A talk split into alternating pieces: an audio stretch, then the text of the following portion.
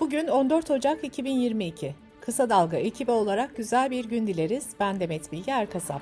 Gündemin önemli gelişmelerinden derleyerek hazırladığımız Kısa Dalga Bülten başlıyor. Boğaziçi Üniversitesi'nden 14 öğrencinin yargılandığı davada müşteki rektör Naci İnci için öğrencilerin avukatlarına haber verilmeden gizli bir duruşma yapıldı ortaya çıktı. T24'ten Gökçer Tahincioğlu'nun haberine göre İnci duruşmada şikayetini aynen tekrar ettiğini söyledi. Öğrencilerin avukatlarından Burçin Şahan bu yapılanın adil yargılanma hakkının ihlali olduğunu söyledi. Şahan, alenen hukuka aykırı işlem yapılıyor dedi. Avrupa Birliği üyesi ülkelerin Ankara Büyükelçileriyle düzenlenen toplantıda konuşan Cumhurbaşkanı Erdoğan, tam üyelik çağrısını yineledi. Maruz kaldığımız onca adaletsizliğe rağmen Avrupa Birliği stratejik önceliğimiz olmayı sürdürüyor. Nitekim bu yönde gayret göstermeye devam ediyoruz diyen Erdoğan, işbirliğini güçlendirmeye hazır olduklarını söyledi. CHP lideri Kemal Kılıçdaroğlu, Cumhurbaşkanı Erdoğan'ın Cumhurbaşkanı adaylarını açıklamıyorlar eleştirisine yanıt verdi. CHP lideri, seçim tarihini belirlesin, biz adayımızı belirleyeceğiz dedi. Kılıçdaroğlu helalleşme çağrısını yineleyerek öz eleştiride bulundu ve şöyle dedi. Bizim de yanlışlarımız oldu, biz de sütten çıkmış ak kaşık değiliz. Hatamız, eksiğimiz, yanlışımız oldu. Onları telafi etmeye çalışıyoruz.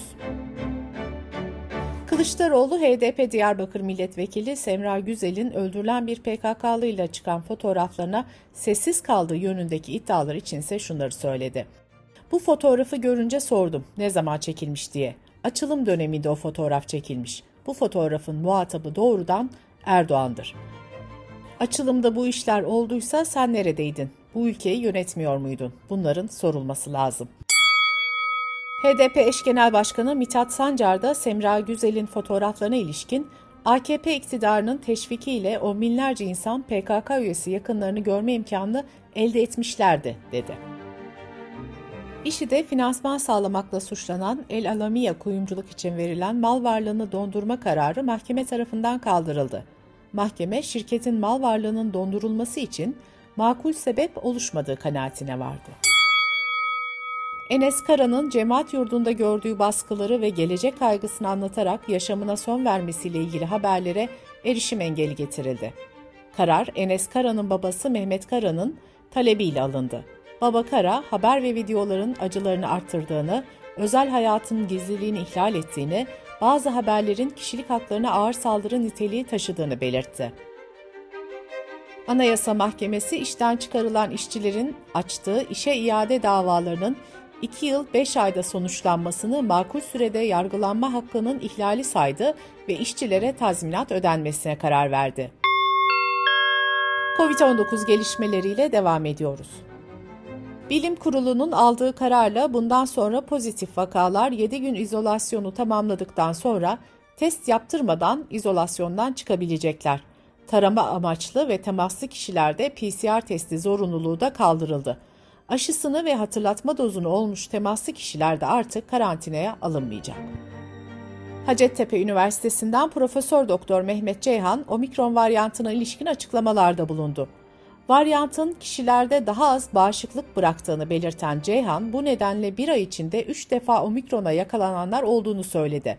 Ceyhan ayrıca 0-5 yaş arasındaki çocukların riskli grup olduğunu belirterek, özellikle kreşteki çocukların sağlığını korumak için tedbirlerin arttırılması lazım dedi. Avrupa'da omikron varyantının etkisi sürüyor. İngiltere, Fransa, Almanya, İtalya ve İspanya'da vaka sayılarında ve can kayıplarında artış devam ediyor. Fransa, Avrupa'da en fazla vakanın tespit edildiği ülke oldu. Ülkede 24 saatte yaklaşık 362 bin yeni vaka tespit edilirken 246 kişi hayatını kaybetti. İngiltere, Fransa, Almanya, İtalya ve İspanya'da 24 saatte tespit edilen vaka sayısı 947 bini aşarken can kaybı sayısı ise 1413 olarak kaydedildi. İngiltere Başbakanı Boris Johnson koronavirüs kısıtlamaları sürerken Başbakanlık konutunun bahçesinde düzenlenen partiye katıldığı için özür diledi. Sırada ekonomi haberleri var.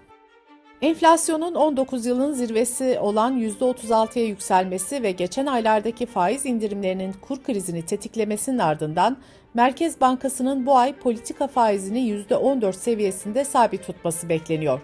Reuters anketine katılan 16 kurumdan 15'i önümüzdeki hafta yapılacak para politikası kurulu toplantısında faizlerin sabit tutulmasını, bir kurumsa 50 baz puanlık indirim yapılmasını bekliyor. Türkiye İstatistik Kurumu verilerine göre Kasım ayında sanayi üretimi aylık %3,3, yıllık ise %11,4 artış kaydetti. 2022 yılında sıfır araç alımında uygulanacak matrah limitleri değiştirildi. Erdoğan'ın imzasıyla resmi gazetede yayınlanan karara göre 1600 silindir hacmine kadar %45 ÖTV dilimindeki matrah limiti 92 bin liradan 120 bin liraya çıkarıldı.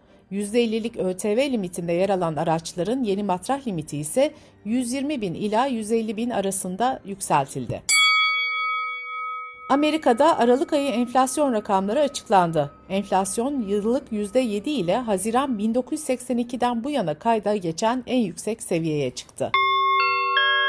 Dış politika ve dünyadan gelişmelerle bültenimize devam ediyoruz.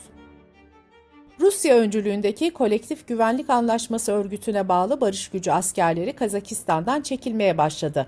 Olaylar sırasında ülkenin en büyük şehri Almatı'da geçen hafta yolcu trafiğine kapatılan havalimanı da dün açıldı. Ancak Almatı hala olağanüstü hal durumunda kalmaya devam ediyor.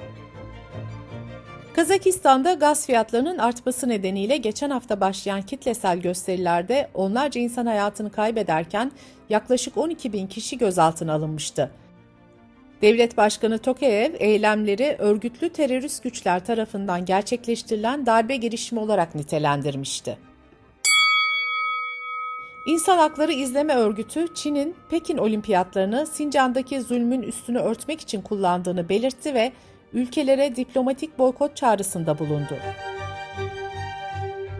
İran ve Venezuela ile birlikte 8 ülke Birleşmiş Milletler'e borçlarını ödemedikleri gerekçesiyle BM Genel Kurulu'ndaki oy haklarını kaybetti. BM şartına göre üye bir ülke 2 yıllık aidatını ödemeyi geciktirirse üyeliği askıya alınıyor. İran'ın geçen yılın Ocak ayında da oy hakkı iptal edilmiş, Haziran ayında asgari bir ödeme yaptıktan sonra oy hakkını geri alabilmişti. Almanya İçişleri Bakanı Faeser, Alman yasalarını göz ardı etmeye devam ettiği takdirde Telegram'ın devre dışı bırakılabileceğini açıkladı. Telegram, Almanya'da son zamanlarda nefret söylemi yayanların ve aşırılık yanlısı grupların en çok rağbet ettiği yazışma platformuna dönüştüğü için tartışılıyor. Telegram üzerinden yayılan nefret söylemi, şiddet ve protesto çağrılarının artması üzerine siyasetçiler, mesajlaşma uygulamasına yönelik sert yaptırımlar getirilmesi talebinde bulunuyor. Bültenimizi kısa dalgadan bir öneriyle bitiriyoruz. Dijital dönüşüm, eğlenceden işe, yatırımdan bilime neredeyse her alanı etkileyecek. Sanal alemler sonsuz imkanlar sunarken gerçek dünyada ise işler hiç iyiye gitmiyor. 1 milyon hayvan ve bitki türü yok olma tehdidi altında. Mehveş Evi'nin podcast'ini kısa dalga.net adresimizden ve podcast platformlarından dinleyebilirsiniz.